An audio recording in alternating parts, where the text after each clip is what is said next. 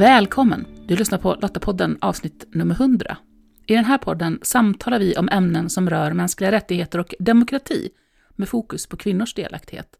Och det gör jag, Maria Öst, tillsammans med personer som på olika sätt arbetar för att skapa ett säkrare och tryggare samhälle. Lottapodden den är producerad av Svenska Lottakåren och vi är en frivillig försvarsorganisation som engagerar och utbildar kvinnor som vill bidra till att stärka samhällets krisberedskap och totalförsvaret. Ja, att som värd ha fått göra den här resan från de allra första avsnitten till att nu kunna introducera det hundrade avsnittet är stort. En milstolpe till i Svenska Lottakårens historia. Jag har ju aldrig introducerat mig själv i podden, allt fokus är ju på min gäst. Men så här i det hundrade avsnittet så kan det väl vara dags. Och jag heter som sagt Maria Öst och jobbar till vardags som kommunikatör på Svenska Lottakåren. Jag är också stolt Lotta sedan många år tillbaks och ser det som ett enormt privilegium att få jobba med det jag brinner för. Att i mitt jobb försöka inspirera andra att också vilja bidra till ett säkrare och tryggare samhälle. Eftersom det här är det hundrade avsnittet så har jag bjudit in Svenska Lottakårens rikslottachef Helene Rådemar och vår generalsekreterare Anna Nybeck för att prata om just Svenska Lottakåren och organisationens roll.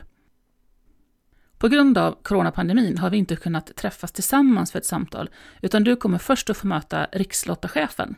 Häng med, så berättar Helene om vad hennes roll innebär och vad det är som gör att Svenska Lottakåren fortfarande är en organisation på framkant. Helene, eh, välkommen till Lottapodden. Nej, men tack så jättemycket Mio. Du valdes ju till rikslottachef 2018. Vad innebär det att vara rikslottachef? Ja, men det här det är ju ett förtroendeuppdrag som jag är väldigt stolt över och ödmjuk inför. Ja, jag är ju vald av medlemmarna på vår riksstämma och det är ju Svenska Lottakårens högsta beslutande instans. Och som rikslottachef så är jag ju också styrelseordförande. Och det är jag för organisationens styrelse, vilket kallas för överstyrelsen i Svenska Lottakåren. Och som riksdatorchef så leder jag organisationen tillsammans med överstyrelsen. Och så jobbar jag nära generalsekreteraren. Och generalsekreteraren leder ju det operativa arbetet och kansliet. Så det är väl i stort vad rollen innebär. Och rollen rikslottachef är ju som du sa då eh, högsta företrädaren för hela organisationen. Men, men jag tänker, vad var det som gjorde att du valde att bli Lotta en gång i tiden? Ja, men jag har alltid varit föreningsmänniska och jag tycker att de här idéburna organisationerna har en sån viktig roll i vårt samhälle. Så det här är ju folkrörelser som bygger på ett frivilligt engagemang. Och då sluter vi upp kring en verksamhet och vi sluter upp kring en idé som engagerar. Och så ger det ju samtidigt en så oerhört fin gemenskap. Och varför jag just blev Lotta Ja, men det beror nog på att eh, till stor del så var det faktiskt min mamma som påverkade mig för hon var bilkorist. Och hon var väldigt engagerad i försvars och krisberedskapsfrågor. Så jag såg ju när hon eh, övade och tränade och hon körde ambulans. Sen så sökte jag och så fick anställning på Svenska Lottakårens kansli som informationschef. Så det var egentligen fortsättningen på min bana inom det som just blev Lottakåren. Och Svenska Lottakåren är ju en av 18 frivilliga försvarsorganisationer. Men, men vad innebär det egentligen? Alltså, vad är Svenska Lottakårens uppgift? Men det finns ju många frivilliga självständiga ideella organisationer i Sverige. Men det som utmärker de frivilliga försvarsorganisationerna det är att regeringen genom en särskild förordning har beslutat att vi är särskilt viktiga för arbetet med Sveriges krisberedskap och totalförsvar och det var ju också det här som gjorde att jag ville engagera mig i Svenska Lottakåren. Nu har ju de här frivilliga organisationerna olika kompetenser, men det här gemensamma engagemanget det är ju att stärka samhällets säkerhet, trygghet och försvarsförmåga. Och det är cirka 350 000 personer som är medlemmar i någon av de här frivilliga försvarsorganisationerna. Det tycker jag är en oerhörd styrka och de här medlemmarna de finns över hela landet. Så det är det egentligen som, som skiljer frivilliga försvarsorganisationernas roll utifrån det som är frivilligorganisationer. Lottakårens uppgift då, det är ju att informera allmänheten om hur försvaret av, försv av Sverige fungerar. Varför det är viktigt att hjälpas åt att skydda Sverige. Det är våra gränser, vårt sätt att leva, våra medborgare. Och då bidrar vi ju till folkförankringen och viljan att försvara vårt demokratiska fria samhälle. Vi kanske har lätt att ta den här friheten för given men jag tror det är något som vi behöver påminna varandra om och försvara. Men så informerar vi ju inte endast utan vi utbildar ju också. Och då utbildar vi, bara för att ta några exempel, så här, vi utbildar bland annat allmänheten i förmågan att klara av en längre kris. Som till exempel ett elavbrott, då tillgången till elen, vatten och mat inte fungerar som vi är vana vid. Och så har vi uppdrag från Försvarsmakten och Myndigheten för samhällsskydd och beredskap och det ligger liksom också i det som regeringen förväntar sig att vi ska göra som frivillig försvarsorganisation. Och det är ju att utbilda frivilliga som går in och gör en, en insats för att stödja kommuner och andra civila myndigheter, men Försvarsmakten också i att bidra till uthållighet i kriser. Så våra frivilliga hjälper helt enkelt till för att den ordinarie krisorganisationen ska ha en så lång uthållighet som möjligt i en kris. Om man bara ska ta ett exempel så är vi ju mitt inne i coronapandemin och den här krisen den går genom hela vårt samhälle och har pågått i månader nu.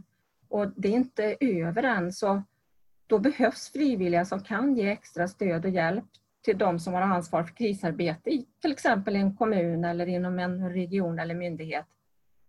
Så det här stödet som man behöver för att ha uthållighet länge, det bidrar ju vi frivilliga till. Och då hjälper vi till exempel mig just i den här pandemin och krisen som vi är nu. Så vi sprider information, vi hjälper till och handlar till de som är i riskgrupp. Vi har bemannat telefonväxlar och så har vi stabsassistenter som hjälper till med ledningsstöd. Så det här är bara några av de exemplen som man kan ha i en väldigt, väldigt aktuell kris här och nu, men vi kan gå tillbaka till det som är skogsbränder, stormar och översvämningar där man behöver de här frivilligt utbildade och övade och organiserade frivilliga som våra medlemmar och lottorna är för att stärka och skapa uthållighet. Och, och, varför är det viktigt då att samla enbart kvinnor i en organisation då som har den här inriktningen mot krisberedskap och totalförsvaret? Men nu får vi gå tillbaka, tror jag, lite grann i historien om du tillåter mig. Därför vår organisation den bildades 1924 och det här är ju perioden mellan två världskrig. Och jag tycker faktiskt det är väldigt viktigt att inte glömma sin historia för att det här var en krigstrött tid när försvarsviljan var väldigt ljummen. Och det var faktiskt till och med avog. Och det här är långt ifrån FNs deklarationer om mänskliga rättigheter och FNs resolutioner om kvinnor, fred och säkerhet. Så vi ska heller inte glömma bort att det här var bara några år efter att kvinnor i Sverige precis hade fått rösträtt. Men om man tittar då historiskt så gjorde Lottor en enorm arbetsinsats de lagade mat, samlade in medel för dåvarande hemvärnet skulle kunna genomföra sina övningar och säkerställa Sveriges försvarsförmåga på det sättet. Och 1939 så var ju andra världskriget ett faktum. Nu menar ju inte jag att jag tror att det kommer att bli ett nytt världskrig, det är inte det jag säger, men vi behöver ett starkt försvar och krisberedskap och en för försäkring för att möta olika påfrestningar och hot. Vi behöver folkförankra vårt försvar. Och vi kan faktiskt inte förutse alla de här hoten som ligger framför oss. För där vi är nu, där det kanske är lugnt och det är en fred som råder, så kan det här väldigt fort förändra sig. Och då behöver vi hela befolkningen, och då tänker jag på både kvinnor och mäns samlade försvarsförmåga. Och tittar man då återigen på historien så, och gå med i lottarörelsen 1924, det var på det sätt som kvinnor kunde engagera sig för vårt försvar. Och allt eftersom lottorna visade på behovet av att de fanns med i försvaret av Sverige så fick de också allt mer uppgifter, främst då i det militära. Och då ska man tänka sig att om man tittar då framåt så är det faktiskt först 1989 som kvinnor fick tillträde till alla militära befattningar. Och det är väl egentligen här som vi har svaret på den här frågan. Att varför samla kvinnor? Ja, man kan nog tycka att det har hänt väldigt mycket historiskt sett då, att vi är väldigt jämställda i Sverige men det finns också historiskt sett ett, ett politiskt fokus på att återuppbygga totalförsvaret och plikten är återförd. Men jag tror att det finns behovet av att vi engagerar kvinnor och att vi behöver vara en röst och höras. För vi är ju Sveriges största frivilliga försvarsorganisation för just kvinnor. Och tittar man då på siffrorna om antalet kvinnor som tjänstgör inom totalförsvaret så talar ju faktiskt det sitt tydliga språk. Och sen så tänker jag även på FNs resolutioner som 1325, 1820, 1960 om det som är kvinnor, fred och säkerhet. Och de här resolutionerna de tar upp en annan aspekt. Och det är inte bara det här att vi här i Sverige ska ha en möjlighet att engagera oss för den samlade förmågan för vårt försvar utan de här resolutionerna visar ju också på en annan väldigt viktig fråga och det är ju kvinnor och barns särskilda utsatthet i krig och konflikt och behovet av att trygga skyddet av dem.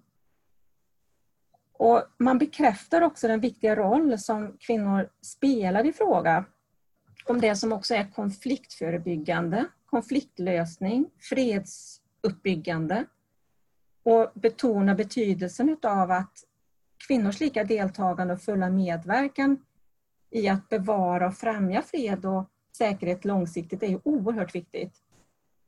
Så vi behöver ju hela tiden visa på det här behovet av att öka kvinnors roll vid beslutsfattande. Både avseende konfliktförebyggande arbete men också konfliktlösning men också vara en naturlig del av det som är ett försvar. Och vad jag ser så är ju betydelsen av vårt engagemang är ju självklar. Men den är ju inte det för alla. Så vi behöver faktiskt ständigt upprepa budskapen. Och det är att vi har ett behov av vår samlade förmåga och att kvinnor ska vara en självklar del i arbetet med fred och säkerhet. Och nu eh, spelar vi då in avsnitt nummer 100 av Lottapodden och det är inte så många år kvar till Svenska Lottakåren firar 100 år. Du nämnde ju att organisationen grundades 1924. Men vad är det då som har gjort att organisationen har fortsatt vara relevant alla de här åren? Jag ser ju verkligen fram emot, det är ju helt fantastiskt att Lottakåren ska fylla 100 år. Och jag är så tacksam och glad över att få vara med på den resan. Och vi har så starka fina förebilder som finns inom vår organisation som har gått före oss. Starka kvinnor som har breddat vägen och öppnat dörrar och har visat eh, vad kvinnor kan bidra med. Och jag har haft en sån stor förmån att kunna få vara en del av den här organisationen. Och Lottakåren den bildades ju då, som sagt var mellan två världskrig och det är ju så otroligt mycket ändå som har hänt inom säkerhetspolitiken så frågan är ju oerhört intressant den som du ställer. Att vad är det som gör att organisationerna fortsätter att vara relevant och kanske också i framtiden kommer att fortsätta vara relevant? Och jag tror att mycket ligger i att vi har en förmåga att ställa om vår verksamhet för att möta de olika nya hot som faktiskt ständigt visar sig när man kanske ser tron på att den eviga freden var här, den har vi fått omvärdera.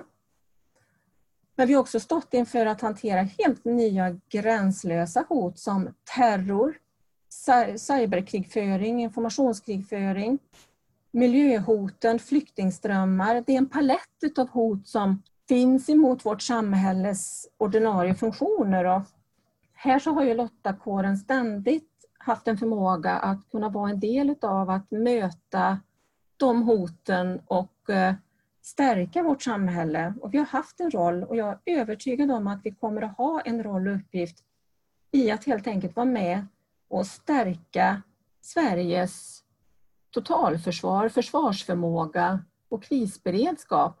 Och vi har en oerhört viktig uppgift i att folkförankra och att bygga vårt lands försvarsförmåga. Den här friheten som, som jag tidigare nämnde, vi kanske tar för given, men som man ständigt faktiskt måste försvara varje dag. Så jag är övertygad om att våra medlemmar kommer att ha en fortsatt uppgift i vårt samhälle och sen är det den här otroligt fina gemenskapen som finns i vår organisation där medlemmar över hela landet ändå hittar sina vägar att, att möta varandra och stärka varandra och ja, dela med sig till varandra och vara en del av Sveriges försvar och eh, försvarsförmåga. Och efter att du nu har lyssnat på riksdatschefen så bjuder jag med dig in i ett samtal tillsammans med generalsekreteraren. Häng med, så berättar Anna vad hennes roll innebär och vad hon anser är det som är Svenska Lottakårens styrka. Anna, välkommen till Lottapodden. Tack! Du är ju generalsekreterare på Svenska lottokåren. Vad innebär den rollen? Rollen som eh, generalsekreterare det innebär väl att eh, jag, förutom att jag är då kanslichef och ansvarig för alla medarbetare som jobbar på kansliet, också är en eh, länk mellan överstyrelsen och kansliet. Det är ju jag liksom som ska förmedla budskapet mellan den frivilliga delen i organisationen och den tjänstepersonstyrda delen. Man kan säga att jag ska verka för att överstyrelsen har ja, så goda förutsättningar som möjligt att genomföra sitt uppdrag. Att utveckla organisationen, hantera en kris som den vi befinner oss i nu kanske. Det betyder att jag och mina kollegor behöver bidra med sakkunskap och engagemang. Eh, jag ska förmedla önskemål och jag ska bidra till att jag och mina kollegor genomför en massa verksamhet. Mitt arbete innebär ju också mycket kontakt med människor. Jag måste säga att det där är en, en viktig del i mitt arbete som, eh, som jag tycker om. Jag tycker om att jobba med människor som, som drivs av en vilja och en önskan att göra någonting gott. Det är väl så jag ser på min roll som generalsekreterare. Och du är ju också medlem. Och vad var det som gjorde att du valde att bli Lotta? Ja, jag har varit Lotta ganska länge, eh, sedan början av 90-talet. Vad som gjorde att jag valde att bli medlem och Lotta, jag, jag tror att det var lite av en, en nyfikenhet och, och en, ett sug att, att göra någonting nytt. Egentligen så, så var det nog så att jag, jag, jag såg en annons i, i lokaltidningen. Och det var Helsingborgs marinlottakår som hade en annons inne eh, där de, eh, ja, de skulle ha en kväll för nya lottor och de skulle berätta lite om eh, om olika avtal och utbildningar man kunde gå. Och jag tyckte att det, det lät väl liksom intressant och, och spännande så att jag gick dit eh, och eh, vi var väl en grupp ja, nya lotter helt enkelt som, som kände att ja men det här är väl lite spännande. Vi i den lilla gruppen, vi gick, eh, vad heter det, TFUG hette det nog på den tiden och sen vidare till stabsutbildningen i Karlskrona. Och det, det, gjorde man ju liksom under en längre period. Så vi blev ju ganska sammansvetsade vi i det där lilla gänget. Och det, det var hemskt roligt. Samtidigt som det fanns ju ett fantastiskt stöd från, från eh, på den tiden då Helsingborgs marinlottekår. Eh, en, en tradition och, och, en gemenskap som var, det var väldigt mysigt helt enkelt och, och det var en kontext som jag, jag tyckte om att befinna mig i. Så att, det bidrog till att eh, det blev lite sådär en gång Lotta, alltid Lotta. Jag stannade kvar. Svenska Lottakåren är ju en av 18 frivilliga försvarsorganisationer. Men vad innebär det egentligen och, och vad är Svenska Lottakårens uppgift? Vi tillsammans med 17 andra frivilliga försvarsorganisationer har ju eh, ett ansvar i att bistå civilt och militärt försvar med utbildade och övade eh, frivilliga. Men vi har ju också en uppgift i att bistå eh, om och när en kris uppstår så att vi kan ja, men hjälpa myndigheter med olika spetskompetenser, spetskompetenser heter det, eller specialkompetenser som vi har i våra olika organisationer för att vi jobbar ju inom väldigt många olika områden, alla organisationer.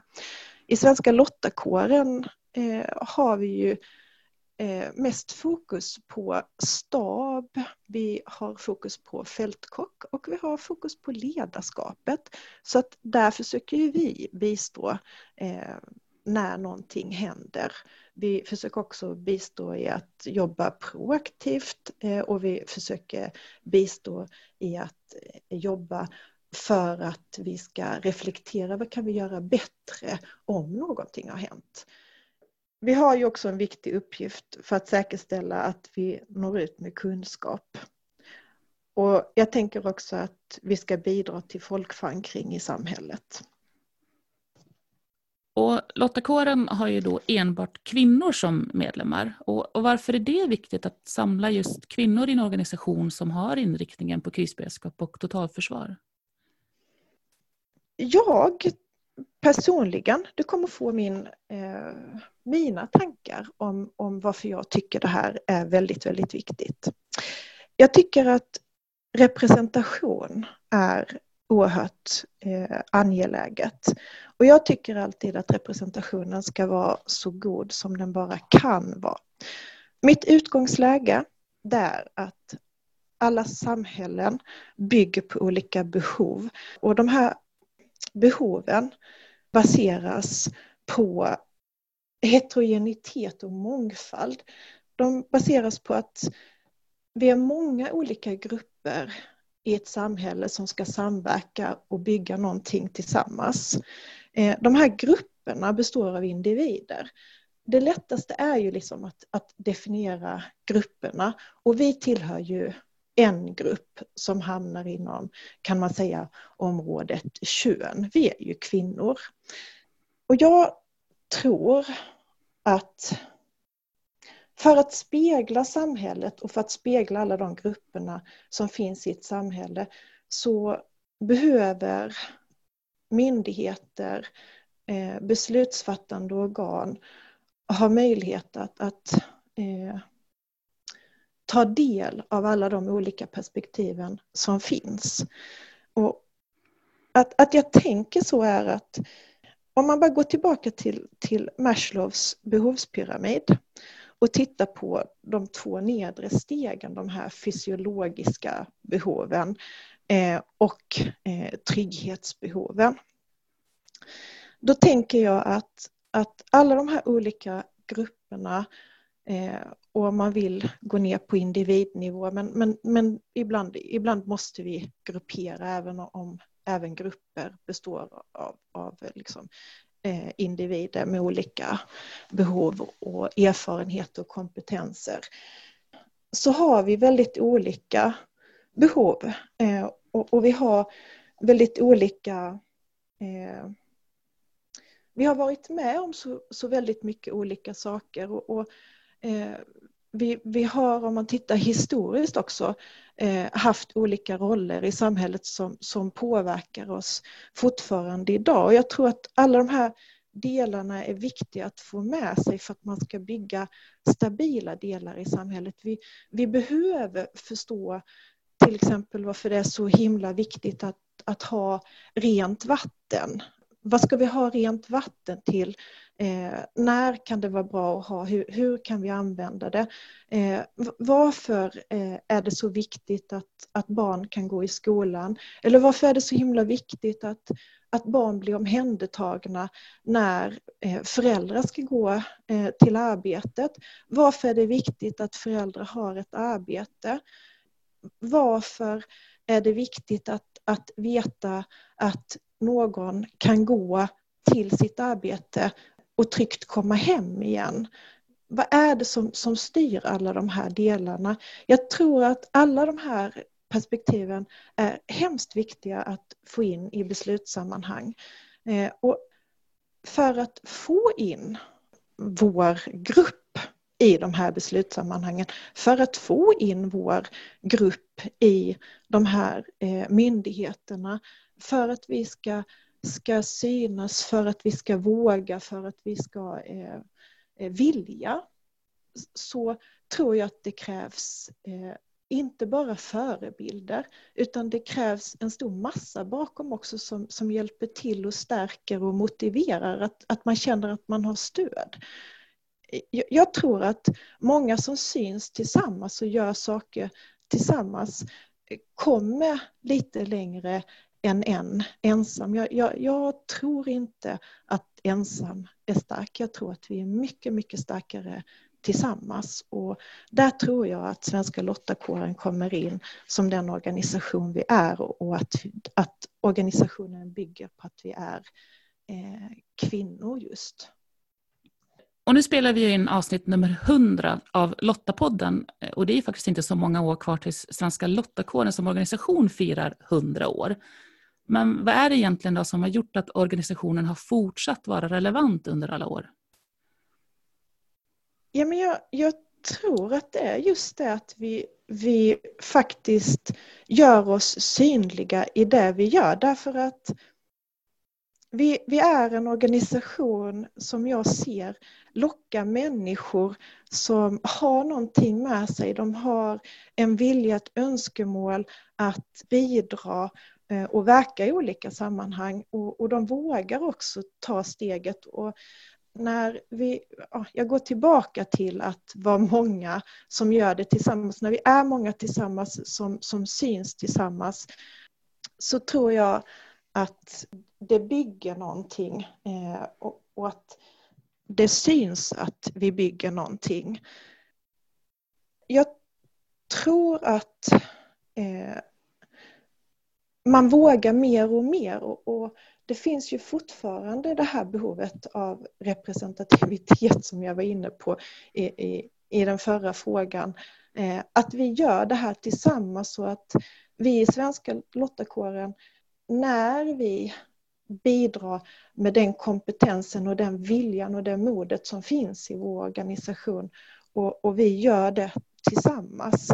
Eh, jag, jag, tänker bara nu här i, i eh, det här arbetet eh, som vi gör med att digitalisera vår organisation eh, under den här krisen, den här coronapandemin som pågår just nu organisationen kunde ha stått stilla, vi, vi kunde ha, ha ställt in men inte gjort någonting. Det kunde ha frusit, det gjorde det inte. Utan vad gjorde vi då? Jo, då tänkte vi att eh, nej, vi måste göra någonting. Vi måste vara med här i tiden. Vad är behovet som föreligger? Vad kan vi? Och så försöker vi hjälpa varandra att komma framåt. Och det tror jag är det viktiga och, och jag tror att det är det fina i vår organisation när någonting händer, ja, men då, då står vi där och, och, vi står beredda. Vi gör någonting åt det och vi gör det tillsammans. Det är det jag tror är det relevanta. Jag är ju på inget sätt opartisk utan oerhört stolt över att vara medlem i en organisation där jag under mina snart 30 år som medlem hela tiden fått möjlighet att utvecklas och där det finns så många starka, fina kvinnliga förebilder. Och dessutom så får jag möjlighet att bidra till något större, att göra en insats och vara med och bidra till vårt samhälles säkerhet. Och oavsett om du är Lotta eller inte, så vill jag i det här, det hundrade avsnittet, säga stort, stort tack till dig som lyssnar på Lottapodden. Utan dig skulle vi inte ha anledning att fortsätta göra Lottapodden. Och jag hoppas att du, precis som jag, ser fram emot att höras i många, många avsnitt framöver. Länk till mer information relaterat till det vi samtalat om i det här avsnittet det hittar du på lottapodden.se. Och om du, precis som Svenska Lottakåren, tycker att fred, demokrati och mänskliga rättigheter är värda att försvara och du vill vara med och bidra till vårt samhälles krisberedskap och totalförsvar, ja men gå då till svenskalottakåren.se. Där hittar du information om hur just du kan bidra. Nästa avsnitt av Lottapodden det kan du lyssna på om två veckor den 20 augusti och då får du möta Lottan Elin Johansson som snart ska mönstra för att göra värnplikten. Jag vet inte, det började när jag var ganska liten. Eh, när jag fick reda på att min pappa hade gjort lumpen. Och direkt då så sa jag att ja, men det ska jag göra när jag blir stor. Och mm, det var många då som bara, ja men det kan man inte göra när man är tjej och sånt där. Och jag har alltid sagt ända sedan jag var extremt liten att men ja, jag ska göra lumpen. Det är bara så, jag ska göra det. Sen då så var jag på mitt eh, första läger inom Svenska Lottakåren och eh, insåg att det här är verkligen något för mig och något som jag tycker är jättekul. Och sen har det bara utvecklats mer och mer därifrån. Och om du inte redan gör det, prenumerera gärna på Lottapodden för att säkerställa att du inte missar nästa avsnitt. Du hittar podden i Apple Podcast, Podbean eller på Spotify. Och om du gillar Lottapodden, berätta gärna för andra om den så att fler hittar oss. Och tack för att du lyssnar. Hej så länge!